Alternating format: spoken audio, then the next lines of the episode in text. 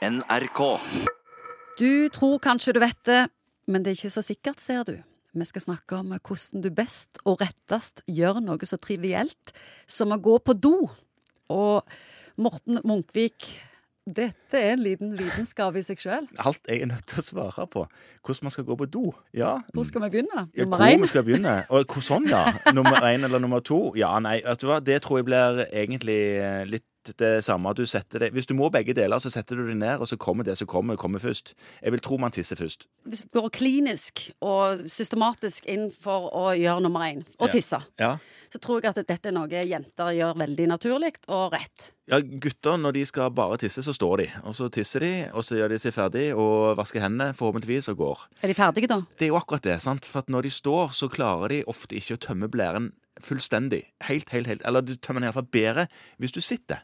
Sånn at folk som har problemer med forlatt vannet fullstendig, de anbefaler med å sette seg ned og tisse. Snakker med prostata nå, eller? Ja, jeg kan snakke om prostata med at de har eh, hesitasjon, som det heter. F.eks. prostatisme.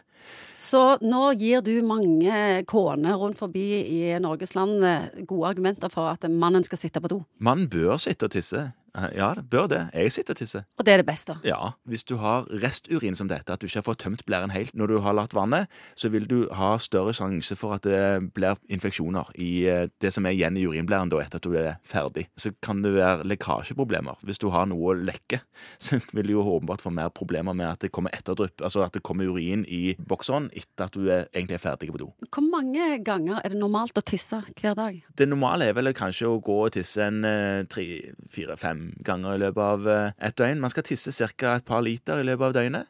Men nå har vi fokusert veldig på nummer én, vi må over på nummer to òg. Kom an! For der må har man- jo å si om det? Der må man iallfall sitte.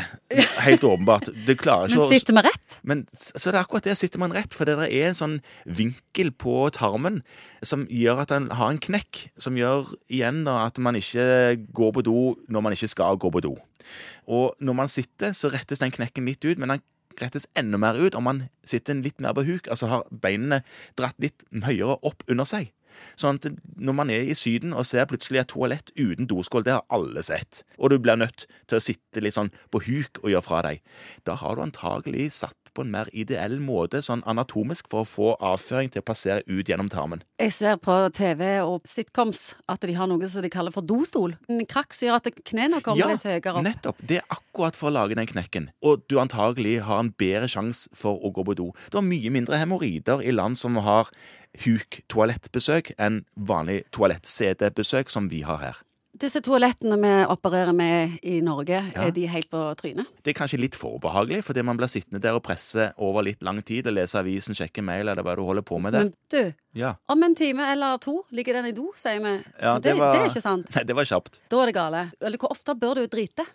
Igjen er det veldig individuelt, men uh, de fleste har iallfall én gang om dagen hvor de har et eh, toalettbesøk hvor de kvitterer avføring. Hvis du er på toalettet for sjelden, så kan det være at du får forsteina avføring, at avføringen blir så hard at du får problemer med oppstipasjon og Ja. sånt. Og hvis det er du som lytter på nå syns at eh, vi burde snakke om f.eks. For forstoppelse og diaré, så har vi egne programmer til det. Så det, Det kan, vi. det kan du finne på podkasten Radiolegen.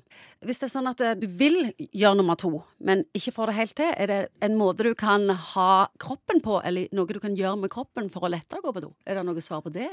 Ja, altså du tenker uten å ta medisiner og legemidler og sånne ting. Ja, nei, viktig ikke presse, vi sagt, for da får du jo på en måte hemoroideproblemer i, i bakkant. Det er viktig å være fysisk aktiv. Variert kosthold, spise mye fiber, men samtidig drikke mye væske.